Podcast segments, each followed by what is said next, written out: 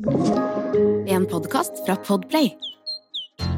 Grøntpodden, for deg som er helt grønn.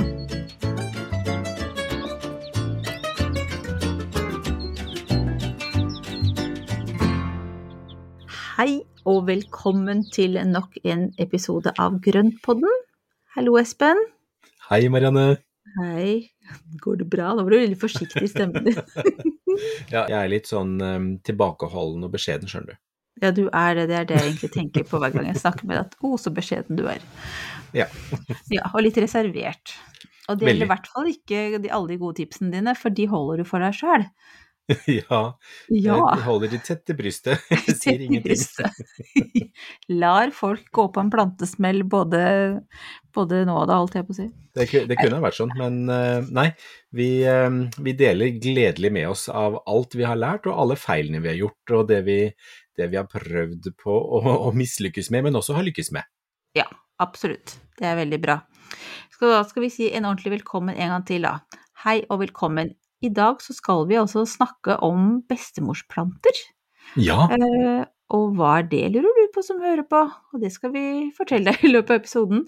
Men først av alt så er det her liksom det vi Det handler jo litt om planter som vi kanskje i mange tilfeller tror er nye.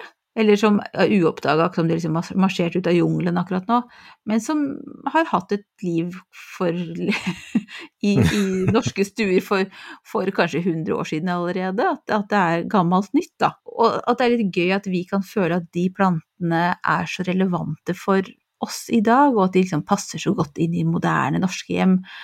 Og, og så hadde de på en måte samme rollen og, og føltes like selvfølgelige i, i bestemorshjemmet, da, for noen Mm. generasjoner siden.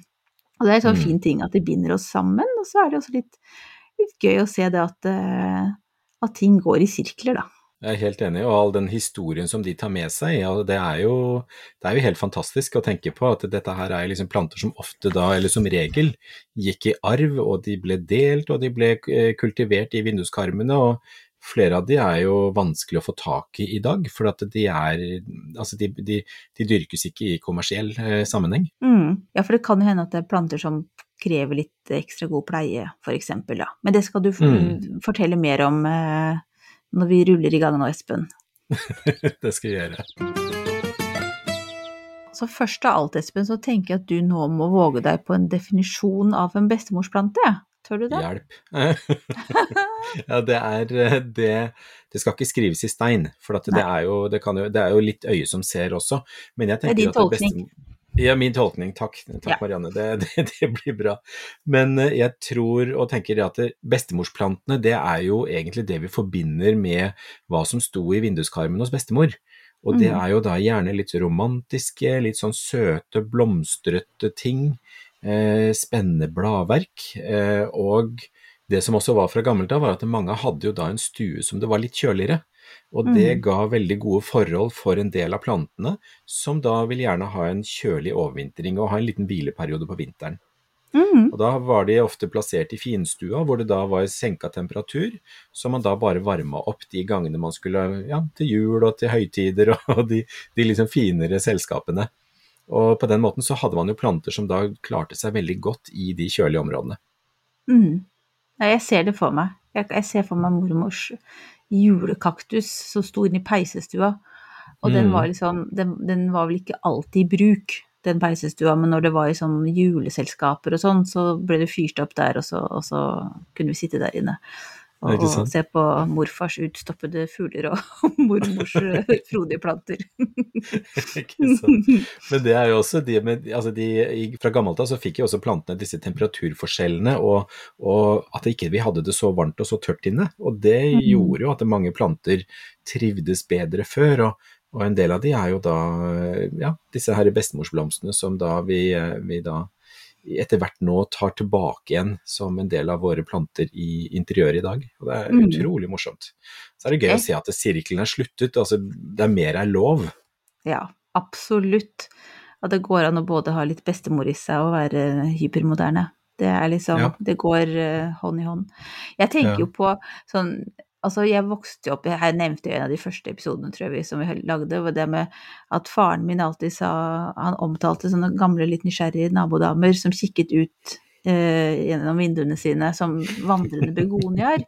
Fordi at de sto der var som et hode som dukket opp mellom to begoniaer, da, for eksempel. Og for meg så var liksom eh, Det gjorde at jeg syntes Alltid tenkte på begonia som veldig en sånn gammeldags plante. Mm. Til jeg da var så heldig at jeg fikk overta min svigerfars eh, begonia, som jo er stor og frodig og helt gæren, for Mm. ja, hva er det, 15 år siden eller noe sånt. Og da fikk jeg et helt annet forhold til den planta. For det er jo noe med det at det er Det kan jo være vekster som vi har veldig tydelige assosiasjoner til fra barndommen av, kanskje. Og Mm. så kanskje man trenger å ta et skritt tilbake, eller oppdage dem på nytt på en eller annen måte, da, for å virkelig se dem. Ikke sant? Ja. Så, og kanskje det er en annen variant av, av en blomster- eller planteslekt som vi da eh, blir kjent med nå. Mm. Men jeg tror jo at veldig mange av oss går oftere og oftere tilbake til røttene. Og, eh, og det er jo litt av det samfunnet som vi lever i også, hvor alt går så fort, og det er liksom hurra meg rundt på mange fronter, så er det veldig mange som tar et steg tilbake for å da liksom kjenne litt på det, den derre roen som man da kan finne med å da gå litt tilbake til røttene. Og det er jo liksom Mm. den tilhørigheten til naturen, finne planter som da er, eh, som da man har, som vekker gode assosiasjoner og minner. Mm. Og, og det å da finne de plantene som da vekker minner fra bestemors vinduskarm, det er, jo, det er jo veldig hyggelig. Absolutt. Jeg vet ikke om defineringen, om jeg skal tørre å definere noe mer, men, men det er noe med den derre, ja, Ja. eh, at det er hyggelig å Nei, kanskje jeg ikke skal si noe mer om det. Nei, vi sier ikke noe mer om det da. Hysj, hysj. Men er det da Altså, er det, vil du si at det er én type plante, eller er det masse forskjellig? Du, kan du nevne noen ulike typer bestemorsplanter? Vi nevner i fleng. Ja. Nei, det er bare, tuller. Nei, vi har, jeg, jeg har sittet og tukla med en liste, da, og endte jo opp med at det plutselig så var det 30 navn på lista. Og det, det er jo veldig stort spenn mm. i de plantene. Eh, Men veldig mange av de er jo da, de gir mye av den samme følelsen. Dette er noe som jeg har lyst til å ta tak i også til våren, at vi da tar en episode om disse bestemorsstaudene. Altså hva de der nostalgiske staudene, og hva, Mm. altså hva som hører hjemme innenfor det.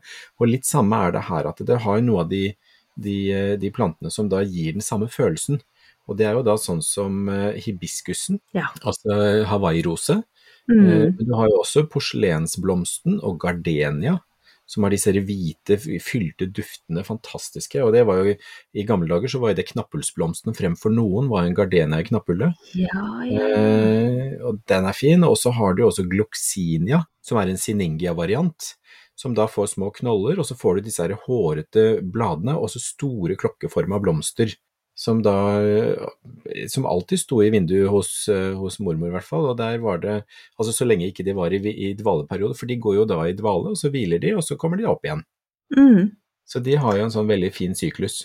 Jeg tenker på Sankt Paulia, jeg. Ja. Det som ser for meg det på et sånn sofabord, kanskje med en sånn hekla duk under. Mm. Det er Og så var det ja, alltid det er Godt å ta på de bladene. Litt sånn deilige Ja. blader å ta på. Ja. Og det er jo, og det er jo litt av det samme, samme greia, at du får de der assosiasjonene, og det er utrolig hyggelig, altså. Og, eh, og så har du jo klivian og julekaktusen, altså mønjelilja. Den, eh, det er jo den med de store oransje blomstene, men der finnes det også en gul variant som er kjempefin. Den har vi jo snakka om før. Ja. Og så tenker jeg på grønnrenner. Uh, Ja. Jeg ser liksom for meg det på sånn, en sånn pidestall i, Mm. inni en stue. Og der så Mm. kunne jeg få lov til å henge litt nedover. Og de føles jo også der- veldig aktuelle i dag. Altså det føles, jeg er kjempeglad i grønnrennene mine. Jeg, jeg Ja, er ganske er sikker på at mormor hadde det. Ja.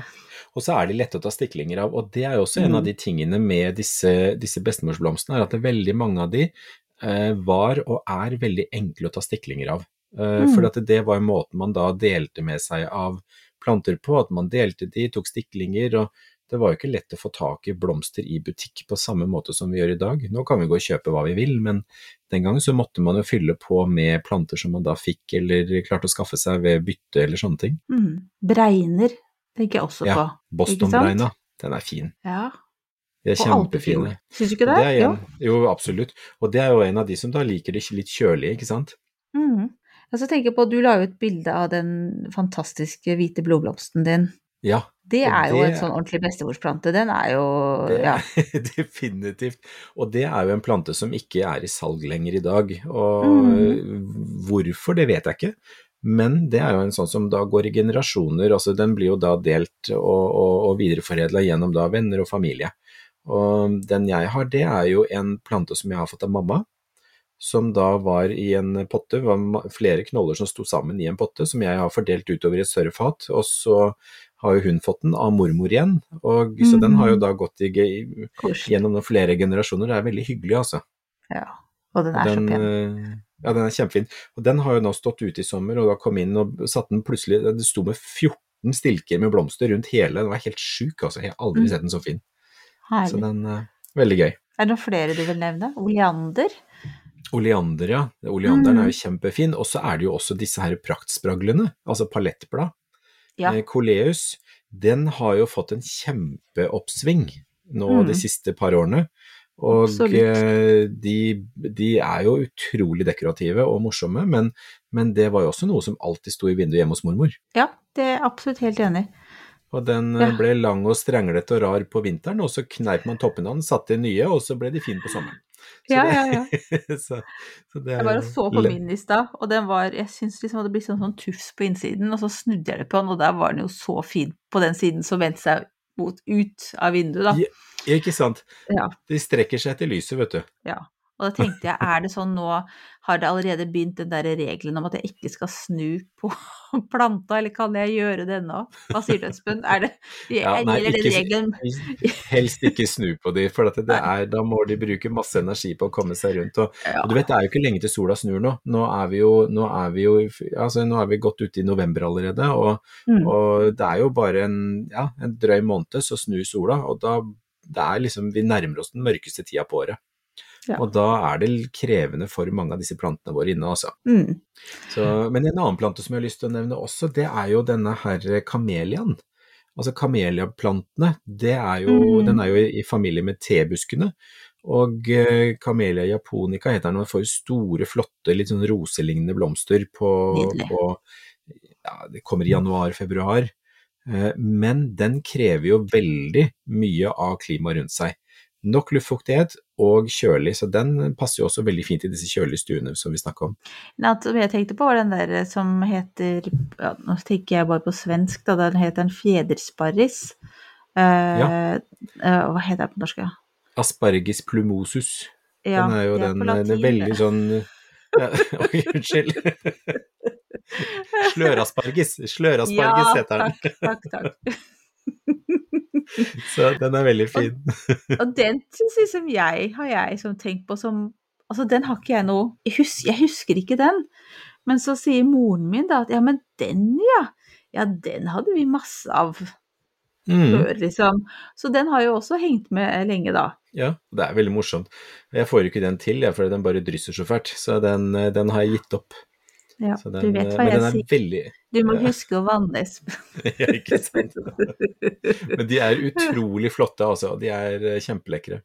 Så, altså, det er veldig veldig mange av disse plantene som er bare kjempefine, og de eksisterer jo fortsatt. Og det er jo det som er så gøy, at de er på vei tilbake, og, og i stor grad vært tilbake en liten stund. Så det er jo veldig morsomt. Mm. Så det er et par stykker som jeg er litt grann, eh, som jeg gjerne skulle hatt tak i igjen. Det ene er faktisk et prestetre som jeg fikk Ja, tak i det. eh, nå nylig. Og den Ja. bytta jeg til meg av en veldig veldig hyggelig følger av meg på Instagram. Og, og Så vi bytta, bytta med litt forskjellige planter, og så fikk jeg den av henne. Og det var utrolig fin, altså. Den Nydelig. da Den så på ønskelista. Ja, og den får de der hvite høybladene rundt, og så er det en rød blomst i midten som er kjempefin. Mm. Har du, en, så, en har du bilder av den som vi kan legge ut? Nei, jeg har ikke noe bilde, men det skal vi få tak i. Så Ja. jeg skal spørre hun, hun jeg fikk den av, om vi kan Ja, dele hennes. supert. Men det er jo også en annen plante som jeg husker fra mammas uh, vinduskarm i gamle dager, og det er en som heter brunfelsia. Og det er en som Mhm. jeg ikke har sett på mange, mange, mange, mange år. Og den hadde Nei. kjempefine, litt sånn læraktig, blanke, mørke, grønne blader, og så hadde den ganske store lilla blomster.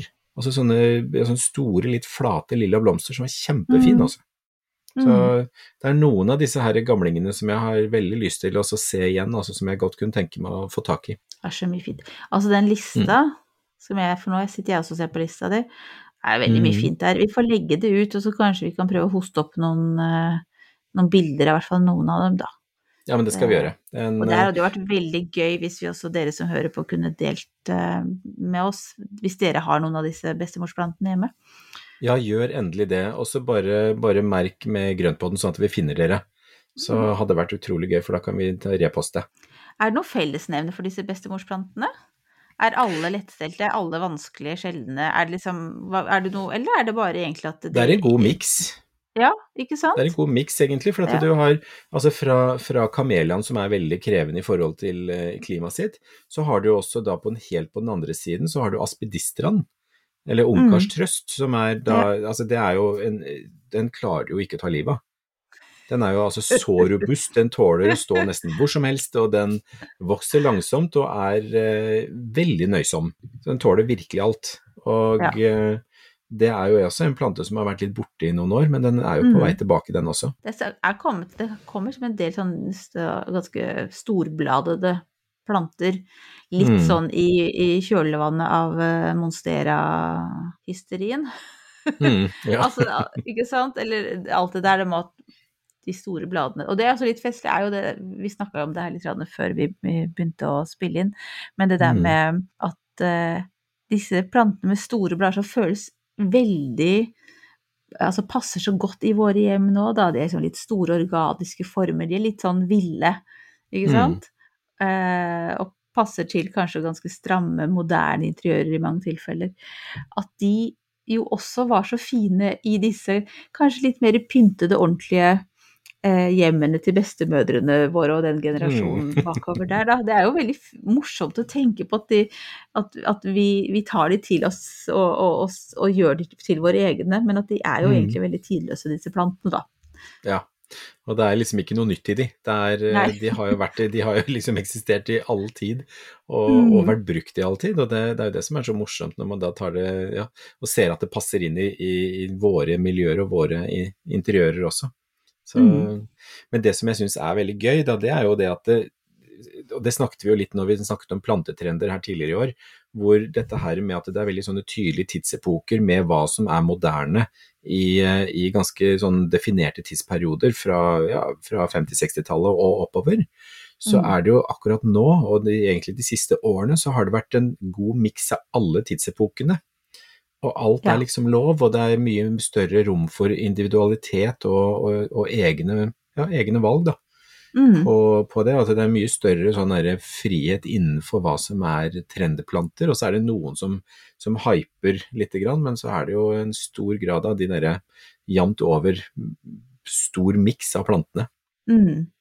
Vi er jo generelt veldig glad i planter nå, tror mm. jeg. Det var jo en mm. periode jeg liksom tenker når vi når jeg var holdt på å nyetablert i eget hjem. Det var ikke så mange Du var sikkert ikke sånn da, Espen, men nå snakker jeg om ikke plantegale mennesker. Men det var jo ikke så mye planter da.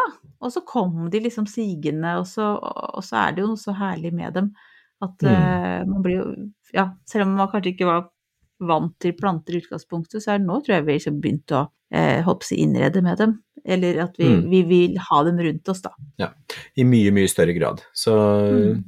vi skal ta, ta, en liten runde på litt mer stell og tips om, eh, om stell og pleie av de. Det gjør vi.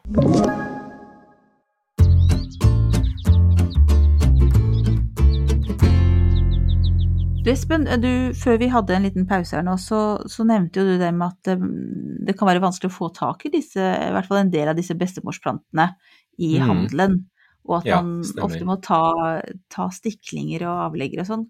Kunne du bare tatt en sånn kjapp for, Det er egentlig litt oppfordring til å gjøre det, da, til de som hører på oss.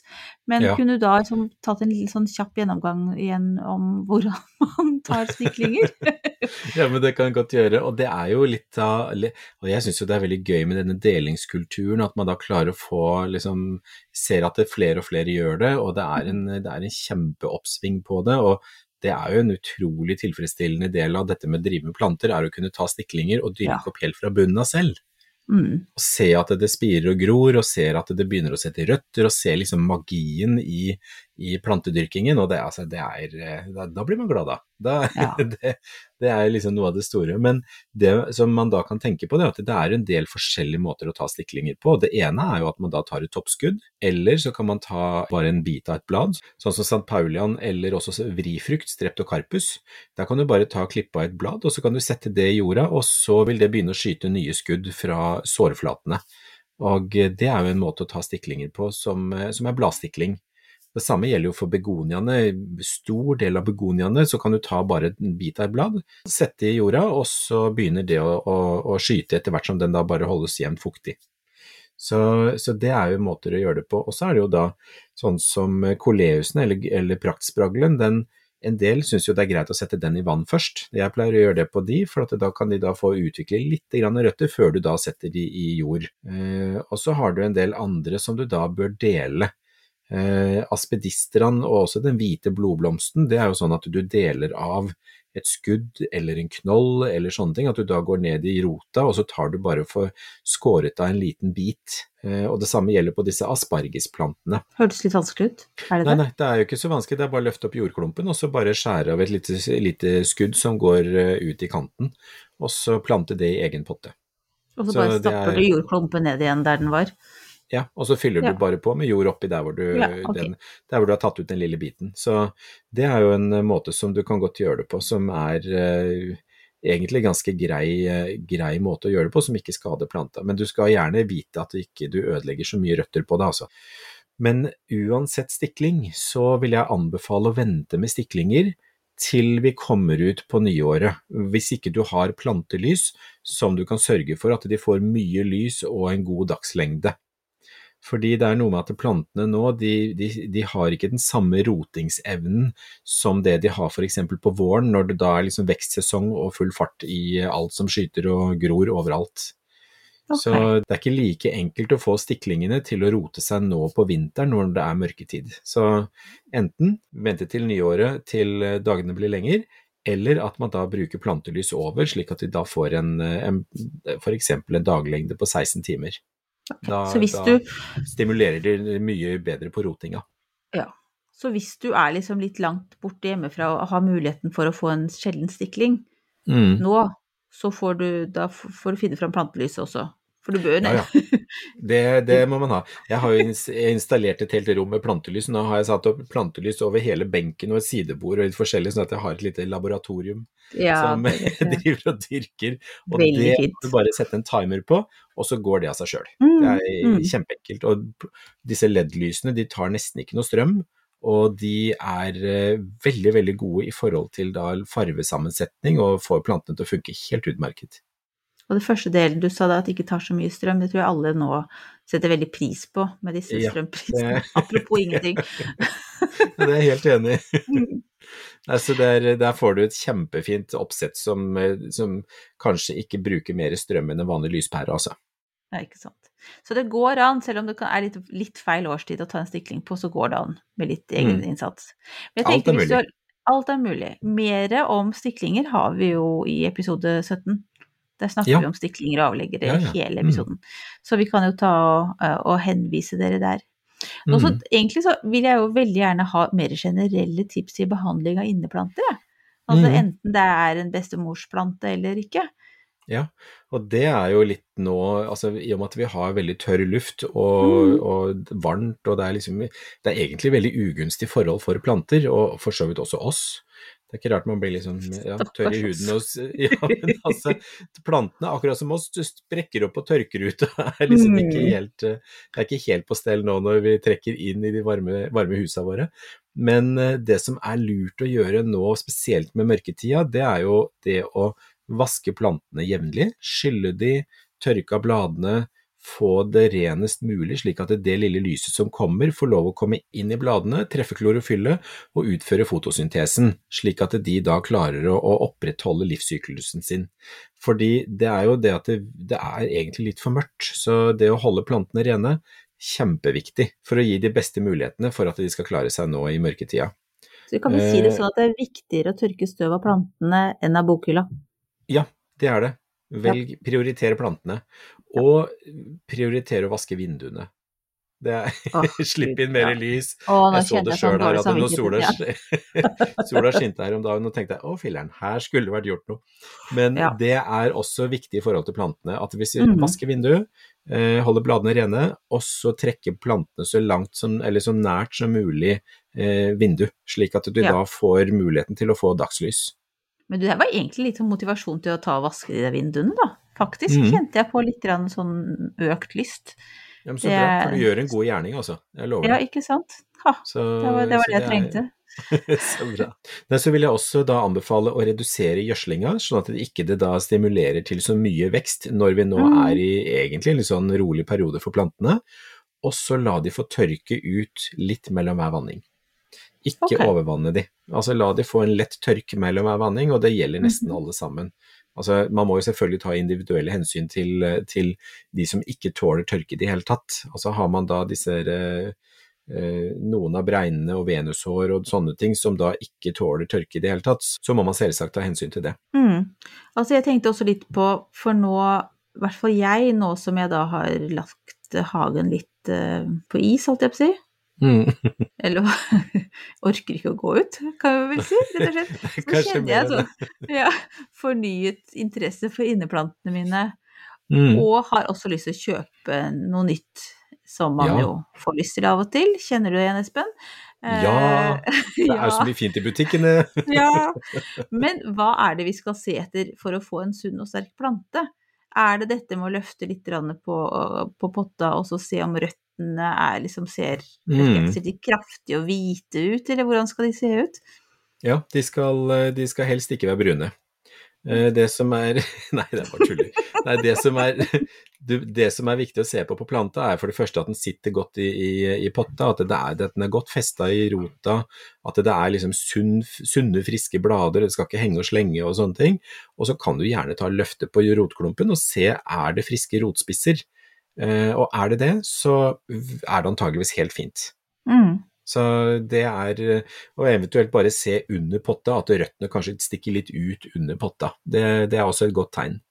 Og hvis da rotspissene er friske og fine og lyse, så er det, så er det veldig bra. Men altså, skal de Så du syns det er egentlig greit at de har det litt trangt, for da har de liksom vokst maks i, i potta? Ja, men det er ikke sikkert jeg har det så trangt for likevel, for noen planter er jo, er jo opptatt av at de ikke skal pottes om så mye. Og det er jo sånn som eh, vi var innom den hvite blodblomsten og svigermorstunge og sånne ting. Og det er jo planter som da egentlig ikke vil bli pottet om så ofte. mm, mm. Og de vil gjerne ha det litt trangt, og, og hvis de blir pottet om, så bruker de kanskje et år eller to eller tre på å liksom etablere seg en ny potte før de vil komme blomster igjen. Ok. Så man bør Mm. ikke ta det nyinnkjøpte planta rett hjem og så potte om? Man kan vente Ikke, litt? ikke nødvendigvis. Den, det beste er nok, altså hvis ikke det er noe helt akutt, sånn som jeg, ja, som jeg fortalte her tidligere, hvor jeg kjøpte en kaktus som sto i torv, som var helt Mhm, ja. bløt og som var virkelig ute å kjøre. Og den måtte jeg jo ta, for det var en akuttsituasjon. Mm. Så da følte jeg meg som, som på Grace Anatomy, hvor jeg da kom inn med traller og reparasjonskit og alt sammen. Fikse årene. Her skal det reddes planter. Og så Så har du da de plantene som da faktisk hadde klart seg fint med det, som tåler litt mer fukt. Ja, for, men det, for det er det her jeg tenkte liksom på også. Det er jo noen av oss som har en tendens til å kanskje få litt vondt av den der puslete planta som ingen andre har kjøpt. Og så sympatikjøp. Jepp. Ganske ofte. Eh, Ja, men du er god på det. Du velger sånne litt krokete, morsomme, rare, litt sånn eh, odde individer av planteverdenen. Jeg, jeg, jeg gjør det litt vanskelig for meg sjøl, men jeg tenkte derfor jeg skulle spørre deg om du har liksom noe det noe Skal man gjøre noe ekstra da for dem? Eller skal vi liksom bare tenke at de får det bedre, liksom? Som De får det nok Ja. bedre der de kommer. Når Ja. de kommer til deg, så får de det bedre. Så det er bare stelle de pent og, og gi, de da, gi de da nok lys, jevnt med fuktighet og gjerne en liten tørk mellom hver vanning, så, så, er det, så er det veldig bra. Så det rekker å få den lille opptørkinga, så ikke det blir for liksom sånn vasstrukken jord. Ja, er det akkurat det der med at det skulle være litt tørt, for det spurte jeg ikke om det hvorfor. Men er det fordi at de nå ikke er så aktive som ellers på året, og derfor så Mm. bruker de ikke opp vannet på samme måte? Ja, for det fordamper ofte ikke så mye på, Nei, fra sant. bladene. For at Mm. det er mindre vekst, det er mindre Altså det er mindre si Systemet går langsommere. Eh, og så er det noe med at hvis jorda blir for fuktig, så blir det mye sånne anaerobe prosesser, og da begynner det å bli råte og dårlig, Mm. dårlig miljø nedi der. Og, så det er viktig at det får en liten tørk, og så at det da blir Eh, at det er altså hull i bunnen og sånne ting, slik at det da kommer oksygen til og får liksom holde rotklumpen frisk. Ja, for anaerobe, det betyr at man ikke har oksygen inn i Ja. Jeg, jeg tenker bare på gymmen fra, fra videregående. Der var det anarobe anaerobe og aerobe øvelser. Ja, stemmer. Ja, Og det blir egentlig samme. Nei. Så det som er anaerob, det er jo da de prosessene som går uten oksygen til, og det skaper jo ofte råte, svovelgasser og sånne tull og tøy som vi ikke vil ha inne. I tillegg så er jo da, hvis man skal Veldig mange er jo plaga med hærmygg. Som fyker rundt i blomsterpottene, og de der små irriterende fluene som du aldri blir kvitt. Ja. Ja. Det er jo da, for å bli kvitt de, så er jo et av, et av stegene er jo å la plantene få tørke ordentlig ut mellom hver vanning. For de plantene som tåler det. For de larvene de må ha det fuktig for å kunne, kunne leve og forpuppe seg. ja, det var jo et veldig enkelt tips. Og altså, det er gjennomførbart. Så lenge, ja, så lenge planta tåler det. Og da løfter du Ja. på planta og kjenner om potta er lett. Er den lett, så er den tørr. Er den tung, så er den ikke tørr. Så, Mm. Eller stikk fingeren godt ned i jorda. Er det også sånn, jeg tenker på døde blader og sånne ting som legger seg eh, på toppen av jorda i potta. Er det viktig å ta det bort? Det er egentlig Noen mener at det bare kan ligge Jeg lar det faktisk ligge litt her og litt der, for at det legger seg oppå jorda, og så blir det bare en del av, av nedbrytningen i potta. Mm -hmm. men eh, det er jo litt sånn synsskyld, for det, altså, der hvor det syns, så tar jeg de bort sånn at det ser penere ut. Så Men det er ikke noe farlig? Det blir ikke noe Nei, sånn mugg eller sånt av det? Nei. Nei. Som regel så tørker de opp og smuldrer bare opp, og så Ja, blir de liggende liggende i jorda. Så, Ja. så det er jo en del av prosessen, egentlig. Kanskje man heller kan knuse de litt opp, da? Og så Ja. hjelpe til på de, prosessen? ja, la de tørke, og så knuser du de opp, og så la, la de da ligge på toppen av jorda. Så vil det bare bli næringsstoffer som frigjøres, og da kommer ned i vannings, eh, vanningsvannet. Så bra. Nå lurer jeg liksom på om du har enda flere tips til inneplanter. Hvis ikke så er jeg, føler meg veldig klar til å, å, å gå ut og hjelpe de jeg har. Jeg tenker på Hvis det er noen som har noen andre spørsmål, så er det jo bare så, å sende oss en, eh, en melding eller Ja, gjør ta kontakt på en eller annen måte i, på Facebook eller Instagram. Mm. Og så skal vi snakke litt mer om inneplanter utover, for at det er jo nå mye tid for det, og, og vi kommer til å komme innom litt forskjellig utover. Så bra. Da avslutter vi denne, denne delen av episoden, Espen. Du vet hva som venter etter trudelutten. Ja, nå kommer det ukas plante.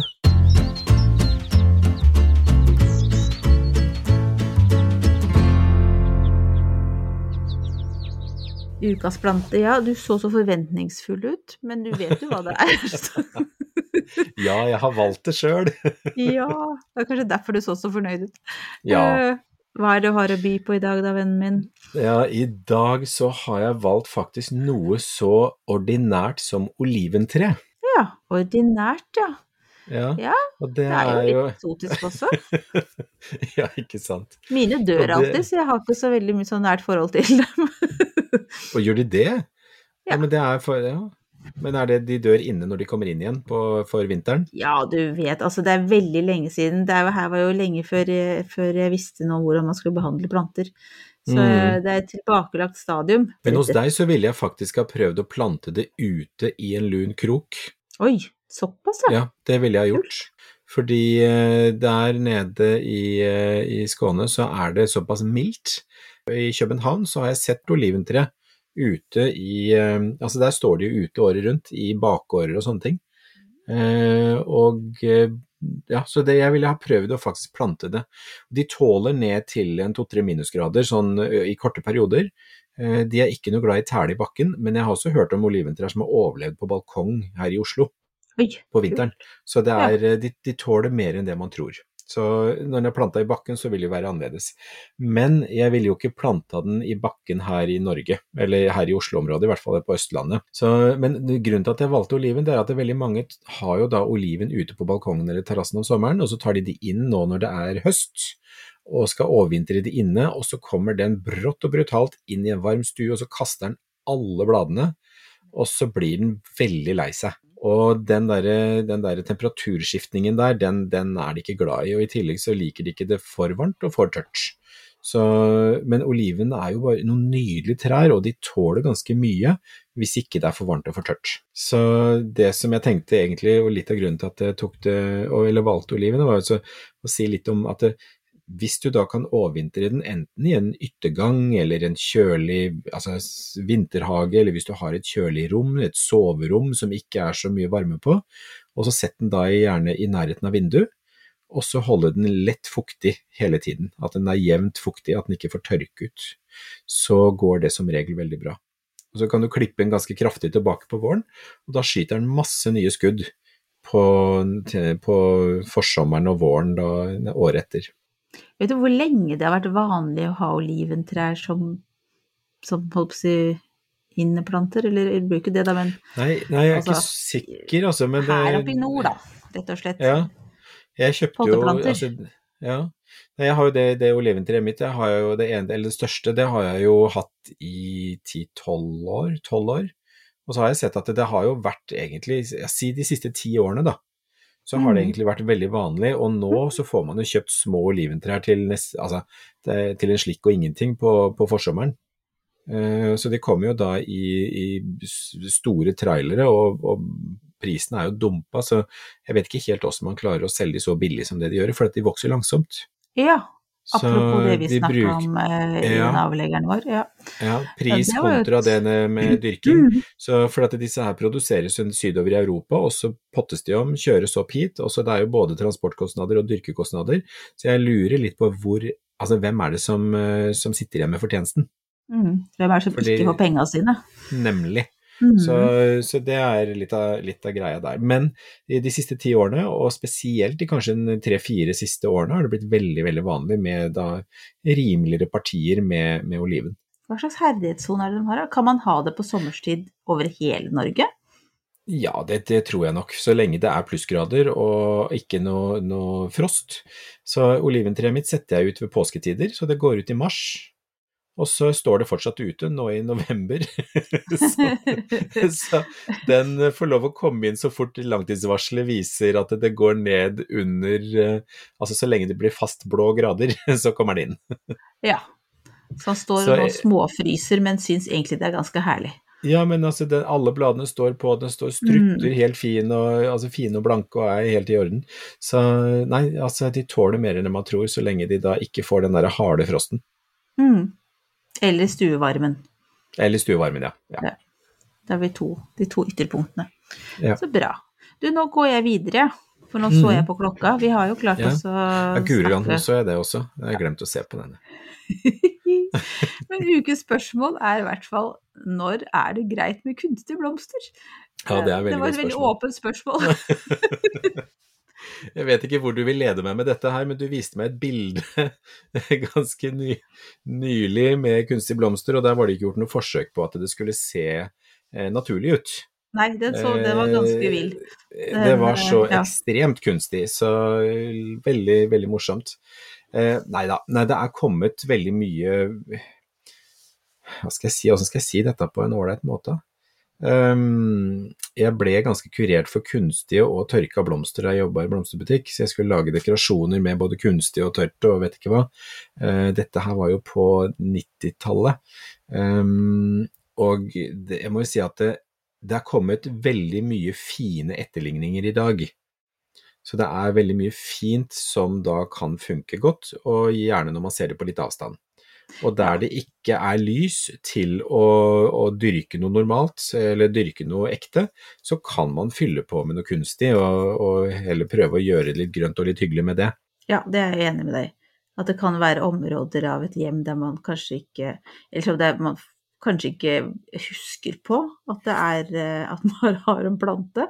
Ja. Ikke sant? Det kan jo også være at det er en uh, entré eller gudene vite.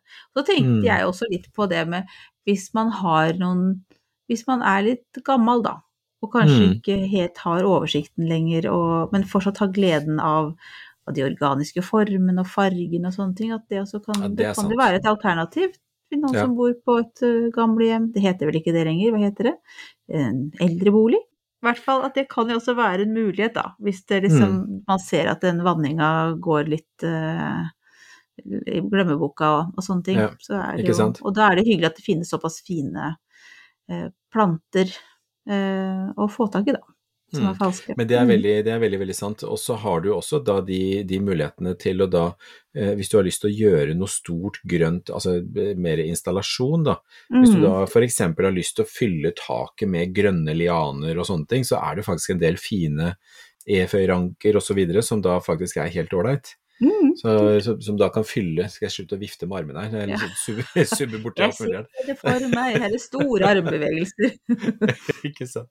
Nei, og det, men det er jo da Men da, da gjør man ikke noe forsøk på å late som det er noe annet, og det syns jeg er veldig, veldig greit. Det er samme med kunstige juletrær. Det er masse fine kunstige juletrær nå. Og så enkelt, da. Ikke dryssere og lett å pakke bort, og kan ta seg fram til neste år igjen. Kjempebra. Og så jeg lurer på, kan man si at det er mer miljøvennlig på et vis? Altså det er en liten vurdering. Det er jo plast og sånn da, så det er ikke noe Mm. bra. Men samtidig så kan man jo bruke dem, altså man kan jo bare spyle av dem og bruke Mm. dem i tiår etter tiår. Så altså, det er jo et, et viktig del av miljøtingene, er jo altså hvor lang brukstid det er. Mm. Da kommer vi litt Så- over på en annen episode. Vi skal jo snakke mellom juletrær litt nærmere jul. Ja, det skal vi gjøre. Uh, ja. Så vi kan komme det skal vi, vi skal tygge litt på den der. Vi tygger litt på den. Men da, vi har fall, nå har vi i hvert fall svart på dette med kunstige blomster. Eller planter. Hva Men det er, det, er, det er greit med kunstige blomster innimellom, det må jeg bare si. Ja, ja, Ja. absolutt. Vi konkluderer med det. Hva gjør vi nå? Espen, hva gjør du?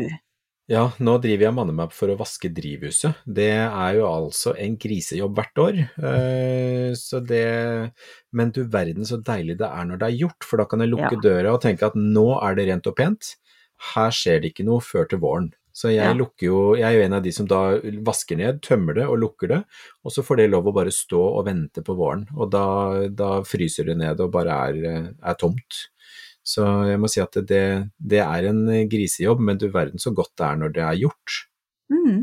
Hva er det du vasker det ned med og sånn? da? Er det liksom skikkelig Da er det inn med gardintrapp, og så har jeg slange med spyle, spyletut, og så har jeg svamp med Jeg bruker grønnsåpe med en liten dæsj salmiakk oppi. Eh, Så grønnsåpevann og salmiakk, og så, Mm. og så vasker jeg, vasker alle, alle kroker og kriker inni. Tak og vegger og inni profiler og overalt. Grundig vask? Ja, for det, Ja. jeg vil ikke at det skal være noe særlig sopp og sporer og, og, og insekter og tull og tøys der inne. Det, det skal være rent. Mm. Det er så mye hyggeligere å starte på en ny sesong med, Ja, ja, rent drivhus. Forstår det. Så det er vel det, som er motivasjonen veldig- også når du står der i småkulda og, og skurer. Det er det, altså. Dette blir bra. Det blir bra til Ja. slutt. Men du da, Marianne, hva, hva driver du med? Ja, altså, jeg vil jo gjerne bare bidra med nok et kapittel av Valnøttsagaen. For nå har jeg lært å knekke nøtter med hendene. det er gøy. Er det Ja, partyknep? Det er partytriks. Eller, eller er det bare jeg som er- ikke har visst om noe alle andre har kunnet i alle år? Jeg er ikke helt sikker. Det Men- er et partytriks. Ja, jeg lærte det av mannen min i dag, og jeg følte meg så sterk. Men det, eh, ja, så det, det er det, det er, kan du si at det er cirka det hageinnslaget jeg har å by på denne, denne uka, ellers så er jeg da generelt lat. Ja, så bra. Ja, det høres veldig jeg vet ikke om det er så veldig bra, men altså, inneplantene, de får vann. Og, Ja. og jeg lusker litt rundt på gårdsplassen og, og samler løv og, og sånne ting, men ellers så kjenner jeg at jeg er liksom gått litt i hi, jeg. Ja. Nei, men Det er fint, det, og det er litt deilig bare, heller bare sitte og drømme om neste sesong og sånne ting. Men du, jeg må bare fortelle, jeg, jeg, jeg fikk jo disse valnøttene av deg da du var på besøk sist, vet du. Ja, ja, ja. Og jeg har smakt på en av de. Å, fy flate og god den er! Ja, så Altså, jeg hadde lyst til å spise mer av de, men jeg skal jo plante de. Men uh, den var altså den, den var altså så god.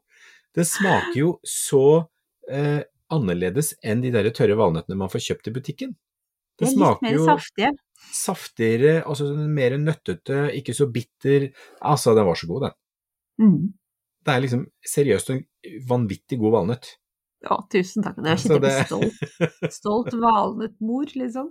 Ja, er, ja, men det er veldig hyggelig at du sier det. Det var veldig morsomt at du prøvesmakte, for jeg var jo sikker på at du bare stappa dem ned i jorda med en gang. Så Nei, nei, hyggelig. Nei, jeg prøvesmakte for jeg måtte Jeg bare, jeg bare så den ropte på meg og tenkte jeg må bare prøve. Så det bare jeg tenkte at ok, den, vi ofrer én. Ja. Du får komme ned, så kan du få spise litt mer valnøtter sammen med meg. ikke sant. Det er veldig bra. Men du, da er vi egentlig klare til å runde av. Nå skal Ja. vi bare, før vi, vi legger på røret, holdt jeg på å si, så skal vi fortelle hva vi skal snakke om i neste episode.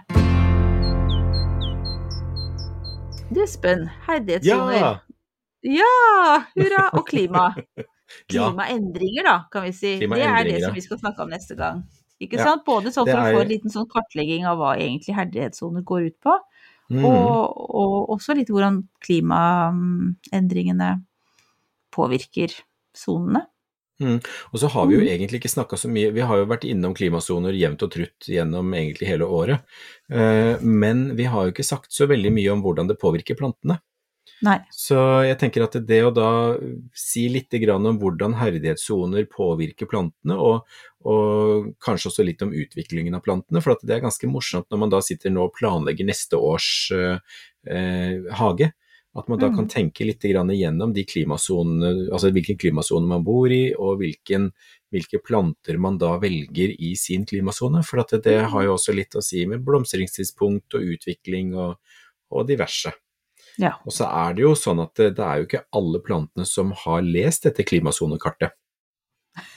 Men det er det jo ikke. altså. Så, så det er eh, absolutt mulig å, å, å gjøre noen krumspring. Mm. Ja, Mm. det her blir gøy. Jeg gleder meg. Mm. Men du, da sier takk for meg. Takk for i dag. Eh, I like måte, tusen takk for i dag.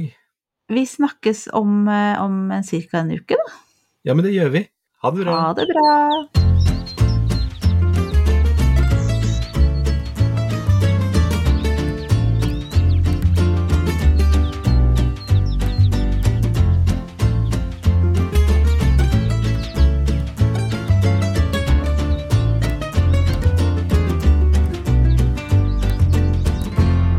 Du har hørt en podkast fra Podplay.